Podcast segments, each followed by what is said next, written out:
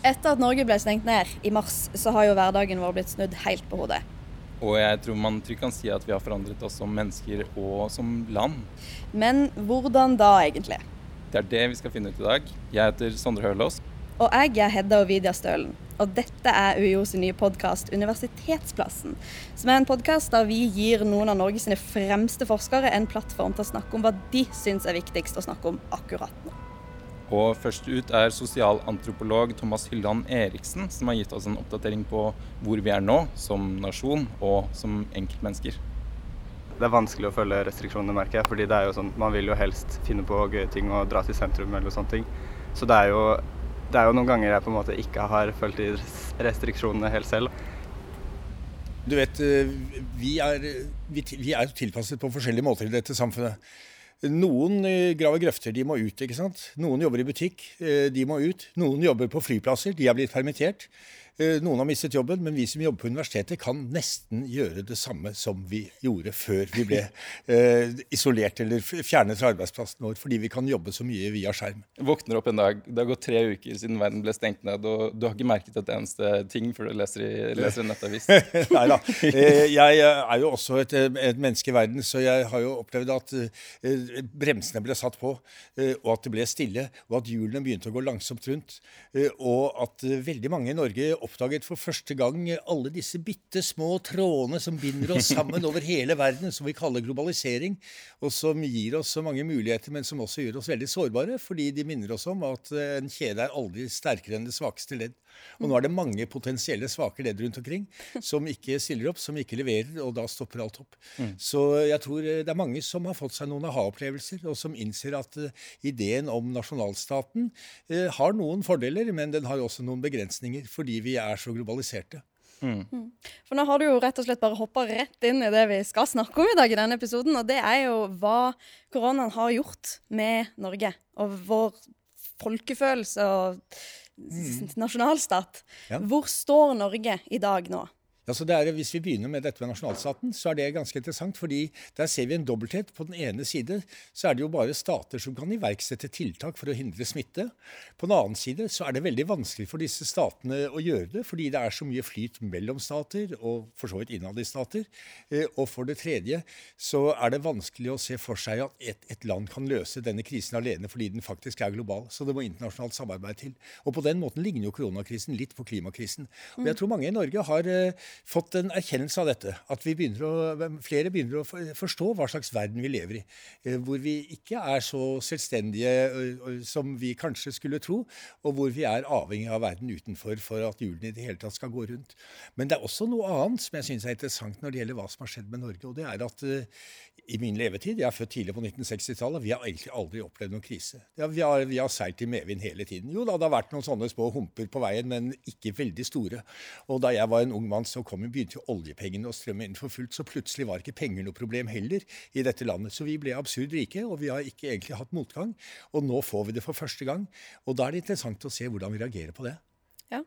ja. for du har jo tidligere liksom trukket en parallell mellom deg og din kreftdiagnose, ja. og den krisa du plutselig får da, og hva det gjør med et menneske. Og mm. uh, den parallellen mellom hva det òg kan være for Norge, mm. når de da mm. plutselig får sin første krise over natta. Ja, det er noen likheter der, og jeg syns jo også i min forskning, og, og når jeg prøver å, å, tenke litt større tanker, så syns jeg alltid det er interessant å prøve å lete, lete etter mønsterlikheter. Og ikke minst hvordan det lille reflekteres i det store. Altså hvordan et rustnings vitenskapsløp mellom to supermakter kan minne om en krangel mellom to ektefeller. Fordi de har mange av de samme eh, trekkene. Eh, og hvor det kanskje er lignende tiltak som, som, også må til for å hindre dem. Så, så, da jeg fikk kreft, så var jo ikke det noen god nyhet. Og livet mitt hadde gått på skinner helt fram til da. Jeg hadde aldri vært syk, hadde ikke hatt en eneste dag sykefravær i, siden jeg gikk på barneskolen. Eh, og, og, plutselig lå jeg der med slanger og ledninger og var helt hjelpeløs og avhengig av både medisiner og medisinsk personell. Og kunne nesten ikke røre meg, var i hvert fall ikke i stand til å jobbe. Uh, ok, Det gjør at du legger merke til ting som du ikke la merke til tidligere. Det er noe positivt. Du legger merke til at gresset er grønt, f.eks. Du setter pris på at noen bryr seg om deg. Uh, du, du, blir takknemlig, du blir ydmyk, og du blir glad for at du er en del av et større fellesskap. På en måte som du kanskje var før, men du tok det for gitt. Så nå tror jeg kanskje det er en del del sider også ved det norske samfunnet som vi tok for gitt, og som vi nå lærer oss å sette pris på. Vi oppdager for første gang kan du si, vannrørene i gatelegemet utenfor huset som du går over hver eneste dag. Og du tenker ikke på at de er der helt til kranen går tørr på kjøkkenet. Ja, eh, jeg er ganske glad i å klemme folk, så eh, jeg savner litt det. Men jeg har også følt litt sånn at når jeg ser plutselig folk klemme og så håndhilse, f.eks. i film eller noe sånt, så virker det litt sånn unaturlig. Og, ja, og det er lenge siden jeg har gjort. Den torsdagen som alt dette skjedde, så dro alle på butikken og hamstret dopapir og hamstret eh, Toro-supper og, og hamstret mel. Ja. Jeg baker nemlig mye, så jeg la merke til det. Er det, liksom, er det, typisk oss å være sånn? Det er et interessant spørsmål. Altså, jeg vi, hvis, vi, hvis, jeg kan få lov å svare litt lenger på dette, så kan vi, kan vi, jo begynne med ulike menneskesyn. Altså, har, i, i, I idéhistorien så er det vanlig å sette Thomas Hobbes og Jean-Jacques Rousseau mot hverandre som to mot, motpoler. Hobbes, alles kamp mot alle i en viss forstand. Du må ha en sterk stat som sørger for at folk holder seg på matta, og som truer med straff hvis de ikke gjør det. Rousseau, mennesket er i utgangspunktet godt, men er blitt fordervet av sivilisasjonen og av staten og eiendomsretten. Ehm, vel, eh, der har vi de to menneskesynene. Og hvor befinner vi oss? Er vi Hobbes, eller er vi, er vi mest Hobbes, eller er vi mest Rousseau i Norge? Jeg vil si at i Norge så er vi nok litt mer Rousseau enn Hobbes sammenlignet med mange andre steder. Det finnes studier som tyder på at nordmenn de stoler både på et hvem, de stoler på hverandre. Altså generalisert tillit til folk man ikke kjenner.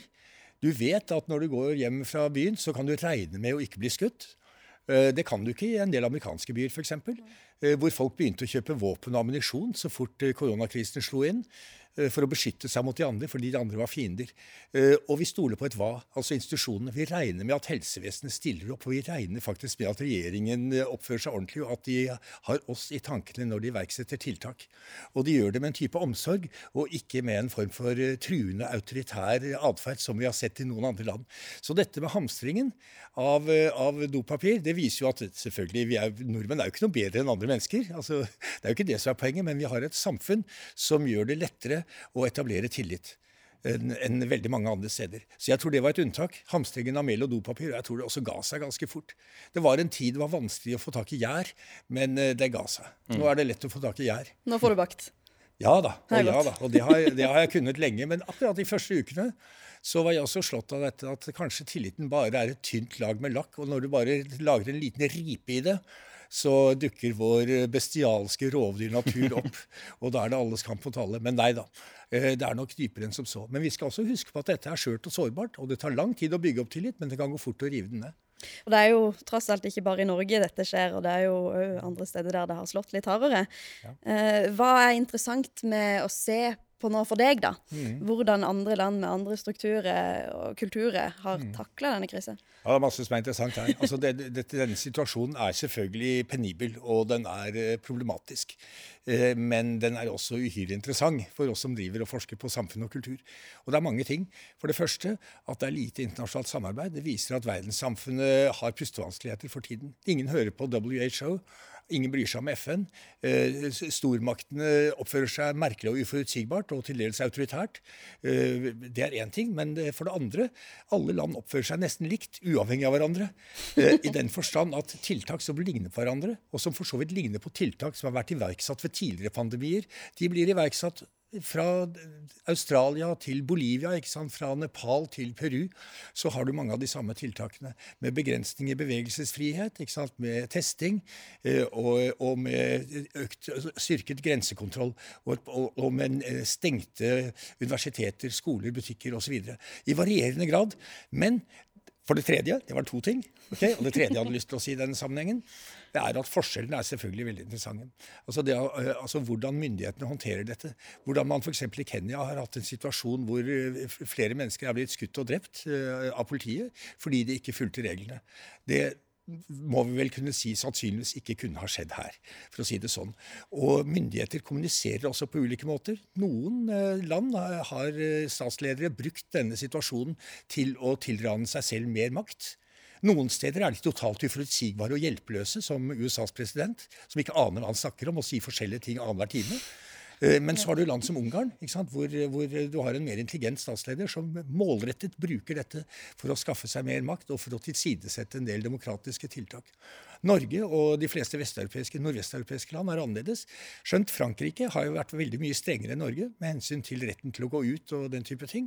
Men her henvender myndighetene seg til oss på en annen måte, som medmennesker, som likeverdige. Eh, og de minner oss om den sterke likhetsideologien. Altså Jeg legger vekt på ideologien, for det er jo ikke nødvendigvis likhet i praksis, men det er en opplevelse i Norge av at vi er ganske like. Også statslederne. Statsministeren er liksom nabokjerringa. Hun kunne vært deg og meg.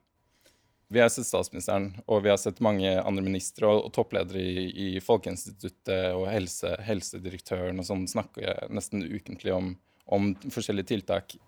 De har også snakket om en slags dugnadsånd i samfunnet. Mm. Og dugnadsånd hadde, jo, hadde jeg påstått det er ganske typisk norsk. Mm. Eh, ja.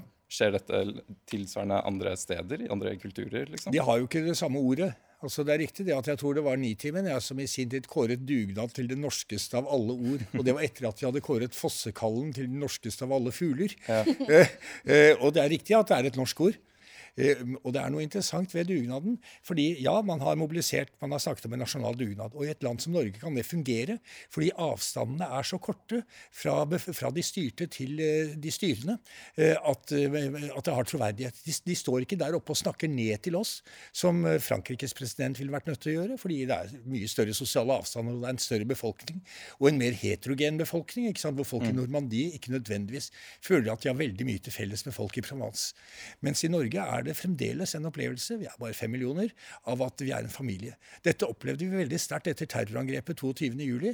At da var det som om alle hadde mistet et familiemedlem. ikke sant? Fordi det, det, er, det, er, så få av oss, og vi kunne identifisere oss med ofrene og med deres familier.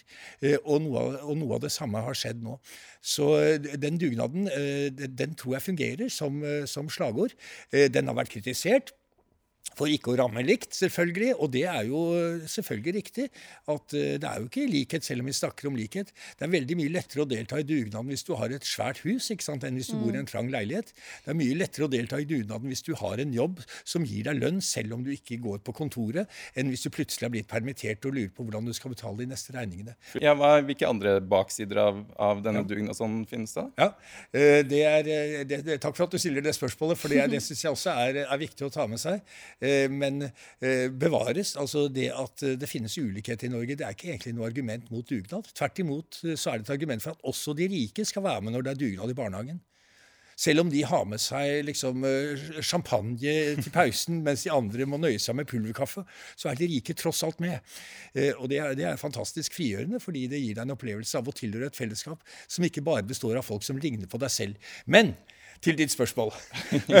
eh, altså, en ulempe ved dugnaden det, Du kan si at dugnaden er jantelovens eh, positive ansikt.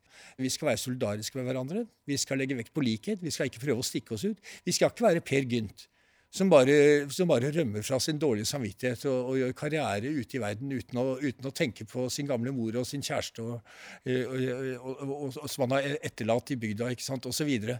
så det er, det er, den negative siden ved dugnaden. det er at den får oss til å marsjere i takt. Men i en krisesituasjon så er den typen kulturell kapital, den type ressurs, gull verdt. Jeg bare tenker at uh, Du snakker jo om det at vi, vi følger reglene og vi uh, hjelper hverandre fordi vi er en familie. Uh, men så sier du dette med dugnad og at man kanskje da marsjerer litt i takt. Uh, så har vi jo kanskje blitt hverandre sitt politi.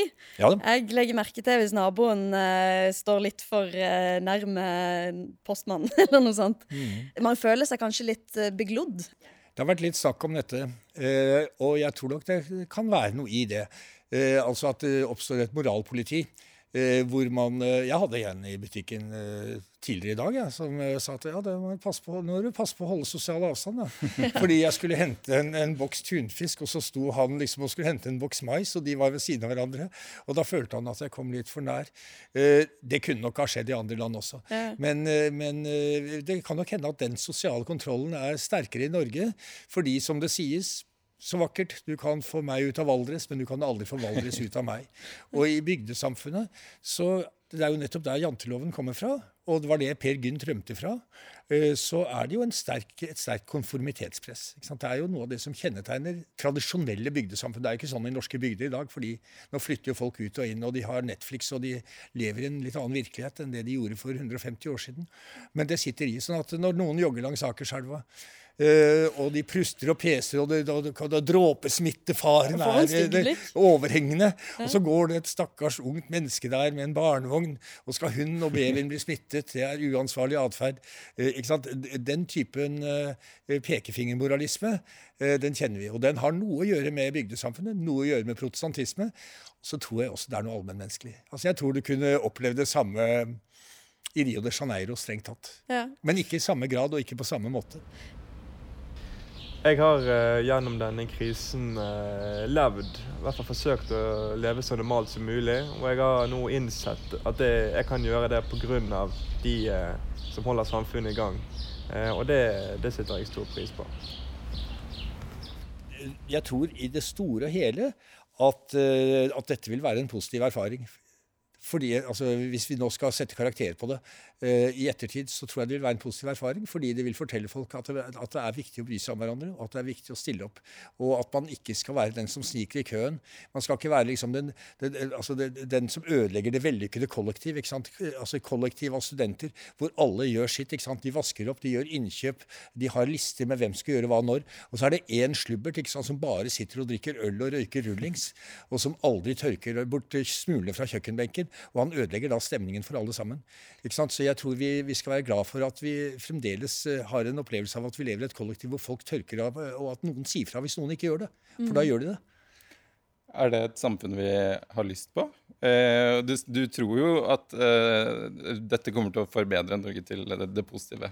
Eh, men er det en sjanse for at vi ødelegger alt vi har nå? Det er en fare for at det blir lavere takhøyde. Altså, jeg, jeg, vil, jeg, vil, ikke se bort fra det.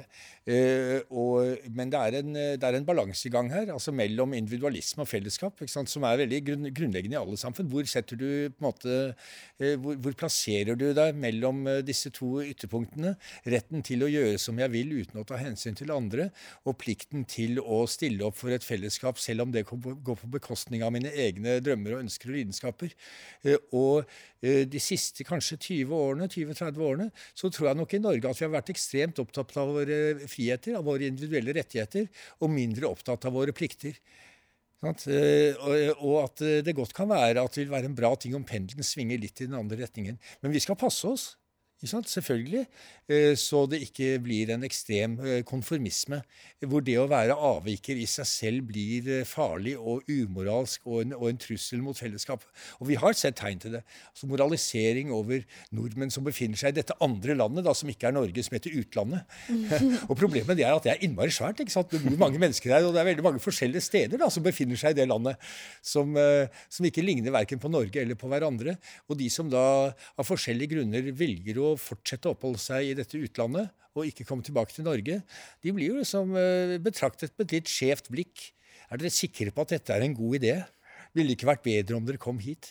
Eh, og der er det noe som, eh, som, man selvfølgelig skal passe seg for. Fordi arvesynden i norsk nasjonal identitet er jo selvgodheten. Altså denne troen på at vi, vi ordner opp, vi, vi, får det til. Mens de andre, de der ute, de som tilhører altså dette andre stedet som heter utlandet, de har ikke helt skjønt det ennå. Det var ganske skummelt å reise fra foreldrene mine sist gang jeg skulle vekk. Um, så jeg kjente litt på den der eh, angsten for at de skulle bli smitta og skulle dø. Men uh, jeg vet jo sånn innerst inne at det da ikke kommer til å skje. Da er det kanskje enkelt å tenke at ja, nå som vi allerede har stengt grensene, så stenger vi grensene komplett. Vi tillater ingen å komme inn og ingen å reise ut. Vi har åpnet for dataovervåkning i veldig stor grad, og i, i veldig mye større grad enn før pga virkemidler som, som, staten mente var nødvendige der. Mm. Eh, samtidig som vi har veldig høy tillit til staten. Er det dette som skal gjøre at vi lever i en slags 1984-virkelighet? Mm. Tenk om staten plutselig vrir seg nå og, og blir en slags ondsinnet enhet, mm. eller en mye mindre hyggelig eh, regjeringsform enn vi har i dag. Mm. Eh, kommer vi til å tillate det, liksom?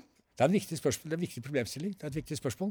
Eh, og ikke minst fordi eh, nordmenn har vist seg å være veldig mye mindre bekymret eh, med tanke på personovervåkning enn veldig mange andre. Altså I Tyskland er det sånn at praktisk talt alle jeg vet ikke hvordan med dere, men praktisk talt alle studenter har en sånn teipbit festet over kamera på laptopen sin. Fordi de er usikre på hvem som kan få tilgang til kamera. Hvem som kan overvåke dem, avlytte, hacke osv. I Norge tror jeg det er veldig mye mindre vanlig, i hvert fall ut fra mine observasjoner. Jeg har uh, på en måte akseptert at jeg ikke har privatliv lenger. Ja, ja. ja. Og, eh, og, når det gjelder da denne smittesporingsappen, man kan diskutere ja. hvor effektiv den er, men det er en annen diskusjon. Men eh, den ble jo lastet ned da 1,4 millioner nordmenn i løpet av under en uke. Frivillig. Mm. Så de ga frivillig staten mulighet da, til å følge deres bevegelser rundt omkring av hensyn til sin egen sikkerhet. Og det, det, forteller oss noe som er interessant, nemlig at i en krisesituasjon så kan det være at uh, hensynet til liv og helse uh, går foran uh, individuell frihet. ikke sant? Altså Nå kan vi sette en del demokratiske spilleregler til side. Regjeringen har jo tiltatt seg utvidede fullmakter ikke sant? Og, og, og har oppført seg nesten som om vi befant oss i krig. Og, og, det har de gjort uten at det har vært veldig mye kritikk av det. Det har vært noe kritikk, men ikke veldig mye. Mm. Og opposisjonen har også akseptert det.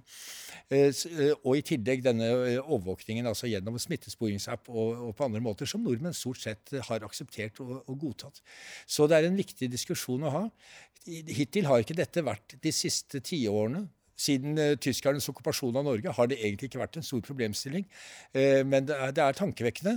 Og det sier også noe om en forestilling om likhet og solidaritet som har noen veldig positive sider, fordi den gjør det mulig å få til store kollektive prosjekter hvis man uh, har en god dag, men som har noen negative aspekter ved, at den hindrer mangfold, frihet osv.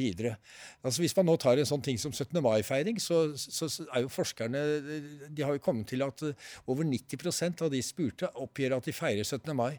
Og Det er et veldig høyt tall. Og Noen vil si at det er jo fantastisk fordi det viser at folk elsker landet sitt, mens andre vil si at dette er uhyggelig fordi det gjør at Norge minner om Nord-Korea. Mm. Mm. Altså når det er så lite mangfold. Mm. Så det er, noe, det er, noe, her som er ganske interessant. Uh, men hvor jeg vil si at i en krisesituasjon så er, det, så er, det, gull verdt å ha så høy tillit og en så høy grad av solidaritet. Men når vi så kommer ut av krisen, så kan det hende at vi bør la håret flagre i vinden og la de tusen blomster blomstre i litt større grad. Og om vi får til det, er jo et annet spørsmål, og jeg tror at Norge ligger godt an, altså for å si det som det er. Som sosialantropolog så er jo eh, nærhet mellom mennesker en viktig del. Og det er jo en ting som eh, ikke er veldig lov akkurat nå. Vi sitter jo sjøl eh, ganske langt fra hverandre. Og... Ja, Dere sitter litt tett, syns jeg. Ja, jeg synes jeg, det? Jeg, jeg, jeg Hvis jeg setter meg helt sånn ytterst i stolen sånn, og så okay. passer vi på å ikke puste på hverandre. Ja. ja, det er godt å se. Hvis ikke måtte jeg nok ha meldt det. Sagt ifra. Ja. Mm. Tatt et bilde og lagt det ut. Og... mm. Skrevet. Spott og spe. Ja, ikke sant? Ja, men nærhet. Mm, ja, nei uh, Og det kan man jo ikke ha noe Jeg syns det var litt merkelig å hilse på deg i dag, fordi jeg ikke kan uh, ta på det. Da helst i mm. hånda. Jeg hadde ikke ja. tenkt å ta på det noen andre steder. Men, uh. nei da, men hvis vi hadde vært brasilianere ja. Igjen så kan vi si at i en viss forstand Kanskje høres litt flåsete ut, men jeg mener litt alvorlig òg. Så har vi et komparativt fortrinn i Norge fordi vi holder mye mer sosial avstand. Altså Vi står mm. lenger fra hverandre når vi snakker. Altså Dette fins det jo studier av. ikke sant? At folk i Latin-Amerika står mye tettere inntil ja. hverandre når de snakker. Og i Brasil sies det jo at når noen bare skal hilse på en et perifert bekjentskap, så er det som en total kroppsvisitering. Eh, fordi det er, det er, ikke grenser for hvor mange ganger man kysser hverandre på kinnet og klemmer og, og, holder rundt hverandre. Eh, og det gjør vi ikke i samme grad her, men det er klart det, jeg tror det gjør noe med oss. Og veldig mye av det som skjer med oss, skjer også ubevisst. Altså, du merker hvor viktig det var først når det ikke er der lenger. Mm. Du oppdager det, hvor viktig det var å være i samme rom, f.eks.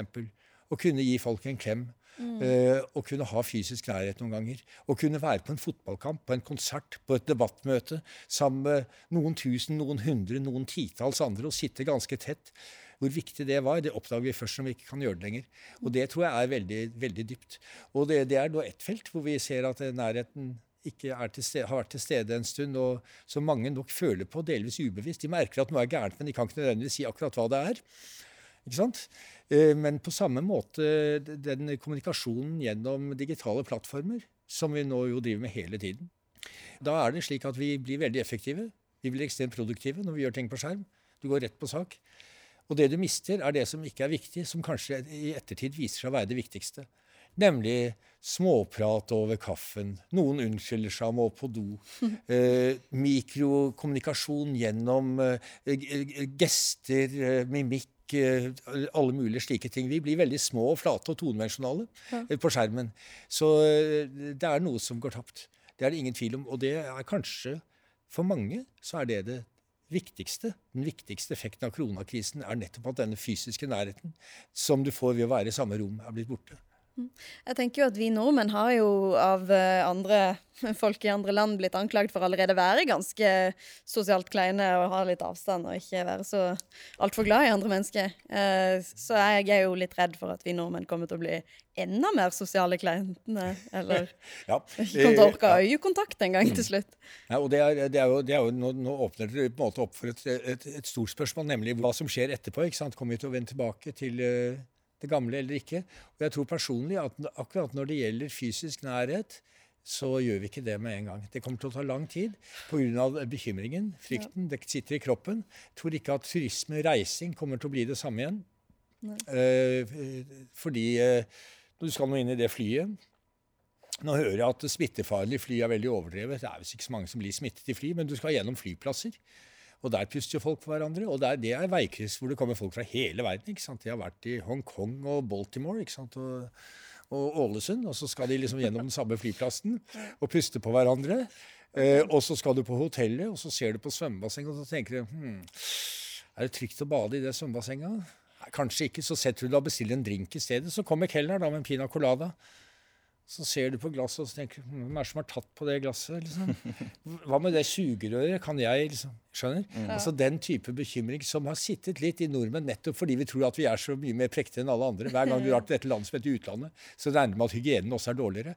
Men den kommer til å bli mangedoblet, og det tror jeg blir sittende i ganske lenge. Så der kommer man til å slite uh, med å få folk til å dra i store flokker til uh, Gran Canaria og, og den type ting. Jeg tror da at vi skal benytte denne anledningen, denne tenkepausen, til å prøve å løfte blikket litt og se fremover og planlegge et litt bedre samfunn etterpå. Kanskje litt mer bærekraftig, kanskje litt mer preget av nærhet, altså i betydningen nærhet til dine omgivelser. Eh, og kanskje litt mer solidarisk på noen måter som, eh, som vi nesten har glemt siden Gerhardsen-tiden i dette landet. Hva er det du gleder deg til å gjøre etter, etter alt det her? Ja, eh, ok, Svaret kommer fra hjertet. Og det er å kunne reise. Mm. Eh, å kunne ubekymret Og det er jo ikke bra, for jeg er jo opptatt av klima og miljø, men jeg må bare innrømme at jeg har noen svakheter, i likhet med alle andre mennesker. Jeg vil kunne sette meg inn i et fly og dra til en øy med kokospalmer, og hvor det er kreolsk mat og uh, morsomme mennesker, uh, og hente noen impulser og lade batteriene. Jeg tror det blir flott. Det tror jeg også. Tusen takk for at du ville komme hit til Universitetsplassen, Thomas Hilland Eriksen. Håper du har hatt det fint. Ja. Ja, takk for at jeg ble invitert. Dette var veldig interessant. Dette var Universitetsplassen, en ny podkast fra Universitetet i Oslo. Vi høres neste uke.